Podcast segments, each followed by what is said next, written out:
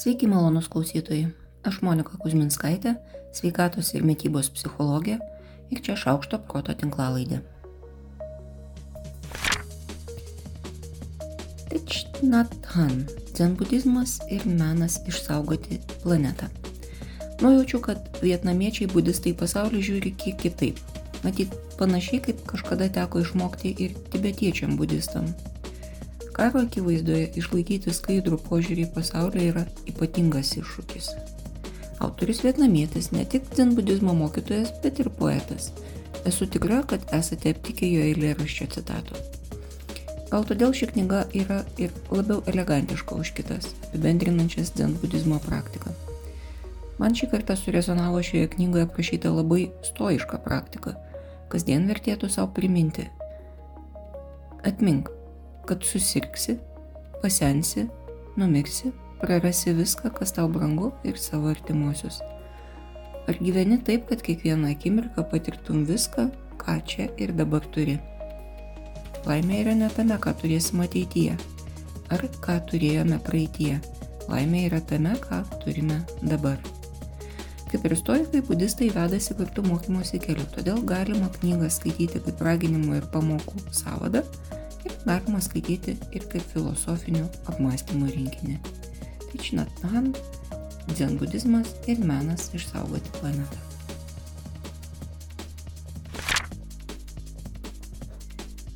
Pirmą išlaikyti numestą svorį, o po to jį numesti. Tyrimai rodo, kad arklys ir vežimas eina būtent taip. Pirmą reikia išmokti svorio išlaikymo elgesio, o po to jau galima imti svorio metimą. Beveik ironiška tai, kad mokantis svorio išlaikymo elgesio svoris irgi kris. Tačiau svarbu suprasti, kad svorio metimo būdų yra ir daugiau.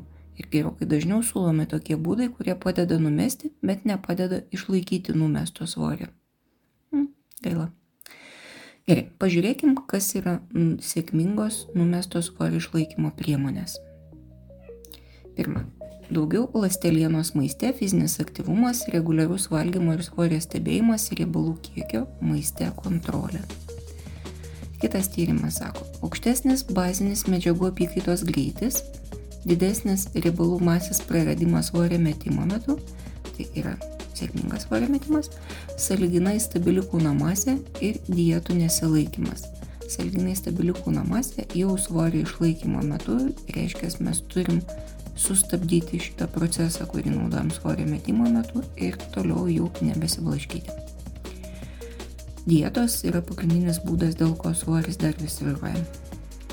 Svarbu paminėti, kad nutukusius tėvus turintys žmonės greičiau atgauna buvusią svorį, tačiau tai nereiškia, kad svorio metimas yra neįmanomas.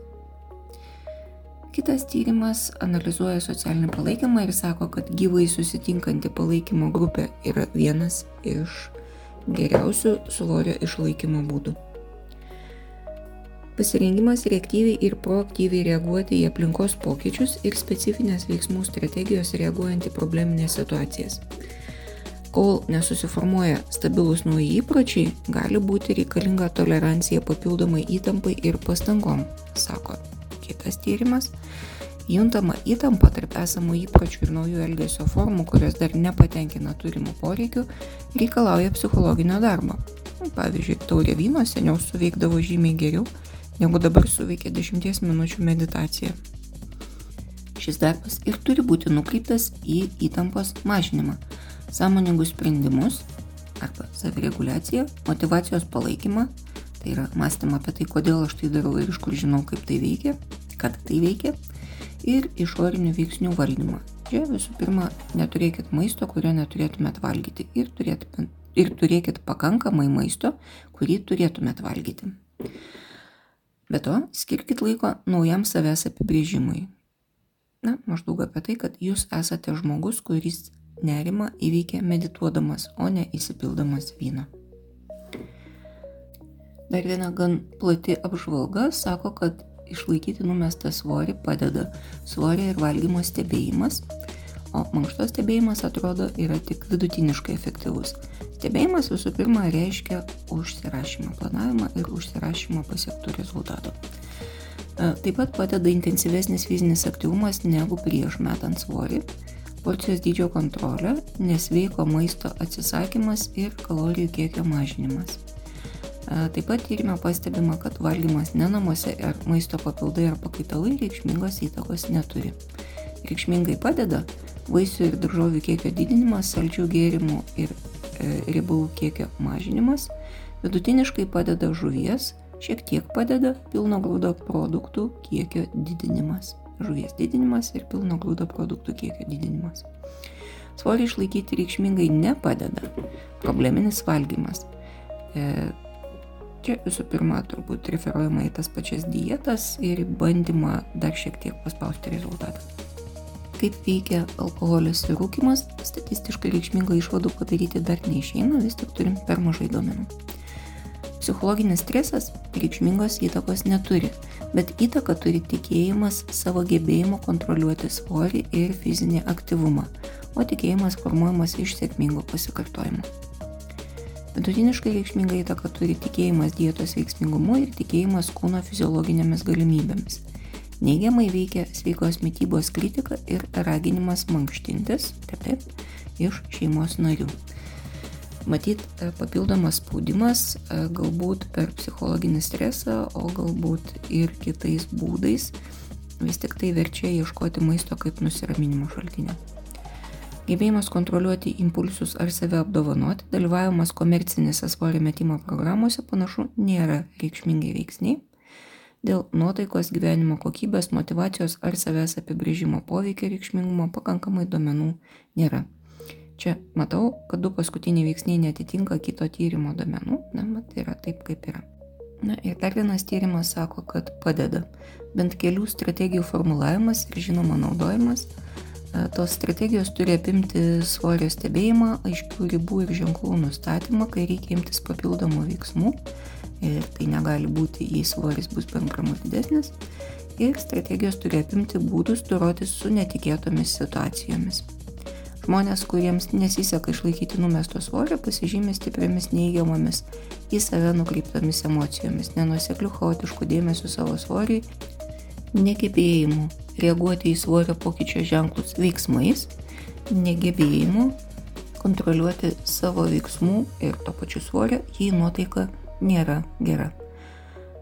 Na, čia daug, bet tikiuosi naudingos informacijos. Pabandysiu apibendrinti tai, kas padeda išlaikyti numestą svorį.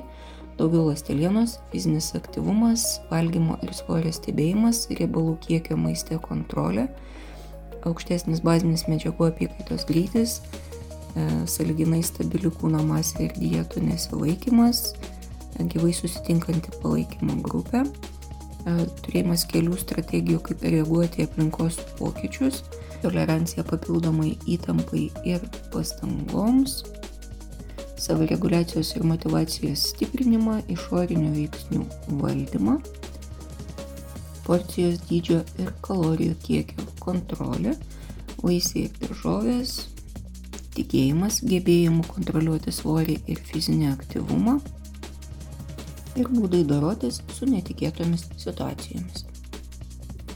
Taigi, svarbiausiai pirmą - išmokti išlaikyti numestą svorį, o tada jau jį mesti. Šiaip ar taip visi sako, kad numesti lengva, tai ir pasilikim lengviausią darbą pabaigai - desertui, jeigu po to dar reikės iš viso kažką tai mesti.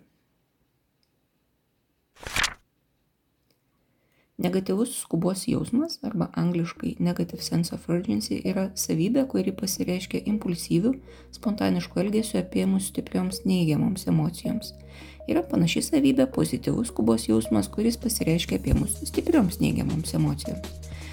Negatyvus skubos jausmas gali kilti badaujant arba sukelti badavimo elgesį. Nepaisant to, kuris buvo pirmas, ar badavimas ar skubos jausmas, tokių veiksnių pora vėliau labai tikėtinai gali sukelti persivalgymo priepolius. Čia noriu pridurti žmonės, nebūtinai badauja dėl neigiamų emocijų, nors tokio savęs spaudimo elgesio tikrai pasitaiko, ir ne kiekvienas badavimas yra lygos simptomas. Taip pat badavimas nebūtinai sukelia neigiamas emocijas, ypač jei badavimui buvo pasiruošta ir aiškus jo veikimo principas ir tikslai, o organizmas yra vis tiek aprūpinamas reikalingomis medžiagus, medžiagomis tuomet, kai valgoma. Tačiau jei badauti bandote spontaniškai ar save kabutėse drausmindami, tai būtinai apsvarstykite, kad taip stipriai didinate tikimybę labai rimtai persivalgyti. Taip sako šio tyrimo rezultatai.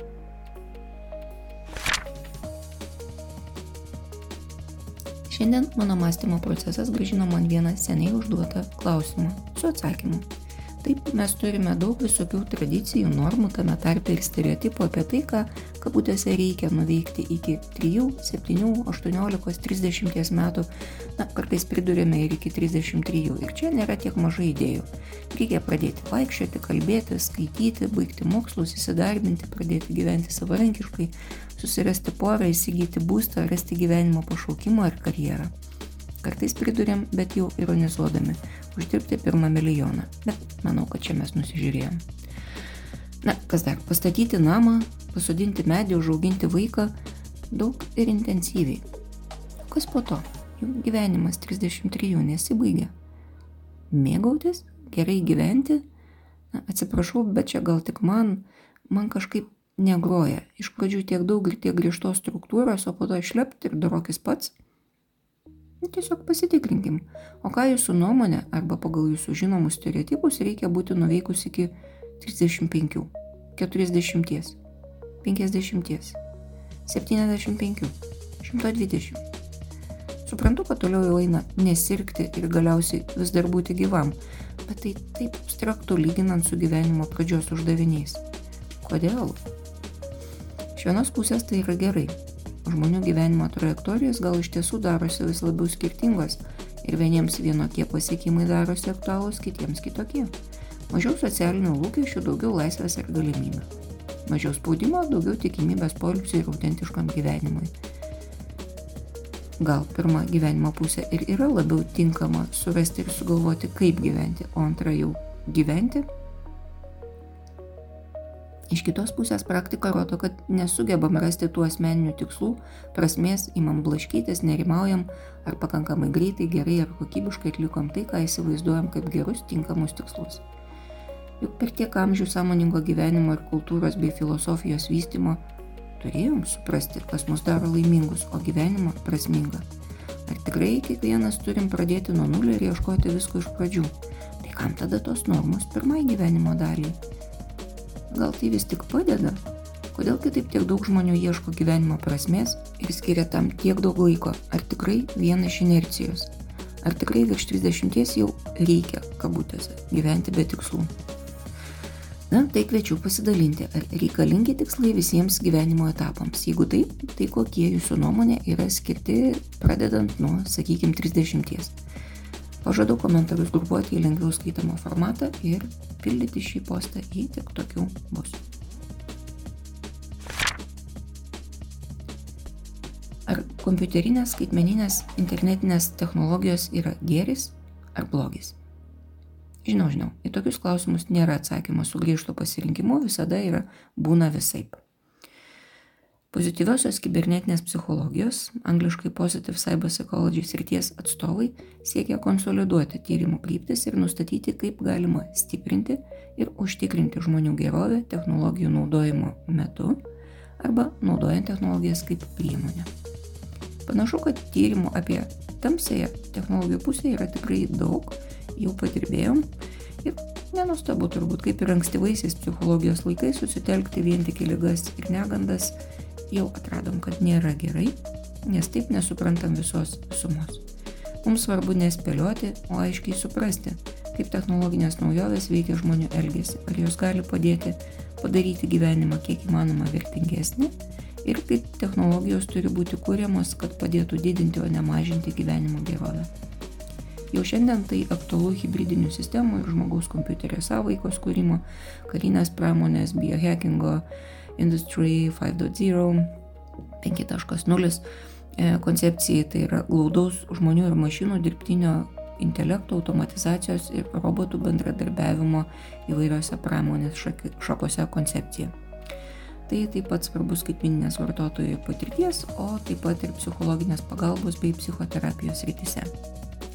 Mokantis iš psichologijos istorijos, net tokiuose srityse, kuriuose regimai tyria neigiamą technologijų perspektyvą, na, turbūt jau irgi girdėjot ir žinot skaitmeninės priklausomybės, nuovargio nuo e, technologijų, skaitmeninių patyčių temas. Tai pozityvus požiūris tikrai padėtų papildyti suvokimą ne tik kaip nepatekti į probleminės situacijas, nes tik ten apibrėžiam savo stipresias pusės ir atsparumo veiksnius, bet ir kaip stiprinti tą atsparumą arba kuo efektyviau patekti iš probleminės situacijos į gerovės situaciją, išsivaduoti iš jos.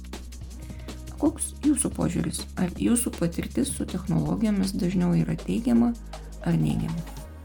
Gal gali pasidalinti pavyzdžiais?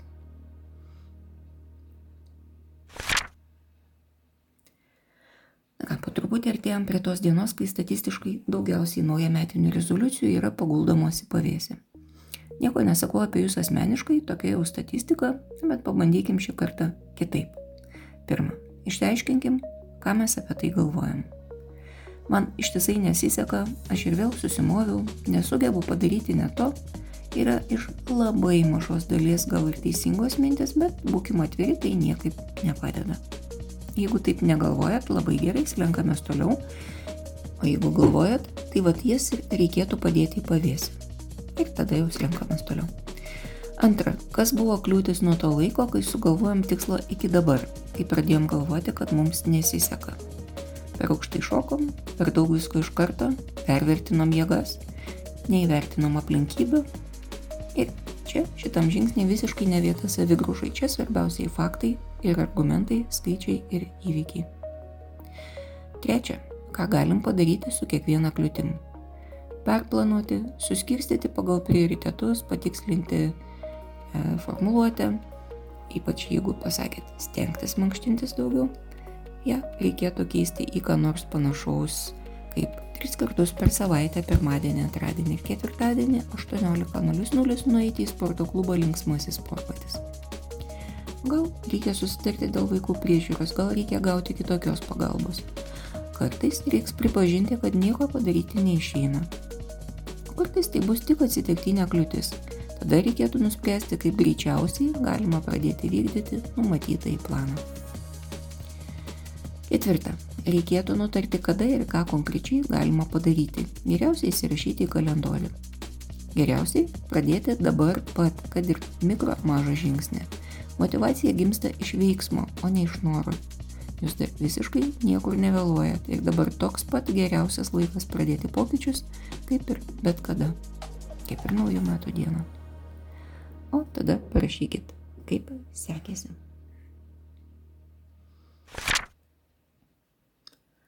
Aš, Monika Kuzminskaitė, sveikatos ir mytybos psichologė, padedu spręsti paprastus ir sudėtingus elgesio mąstymo ir emocijų klausimus. Rašau, skaitau paskaitas, teikiu psichologinės konsultacijas. Mane rasit socialiniuose tinkluose vardu Šaukštas Proto arba gyvai Vilniuje Goštauto gatvėje. Rašykit man asmenį žinutę socialiniuose tinkluose arba elektroniniu paštu adresu šaukštas.proto atgmail.com taikos ir ramybės.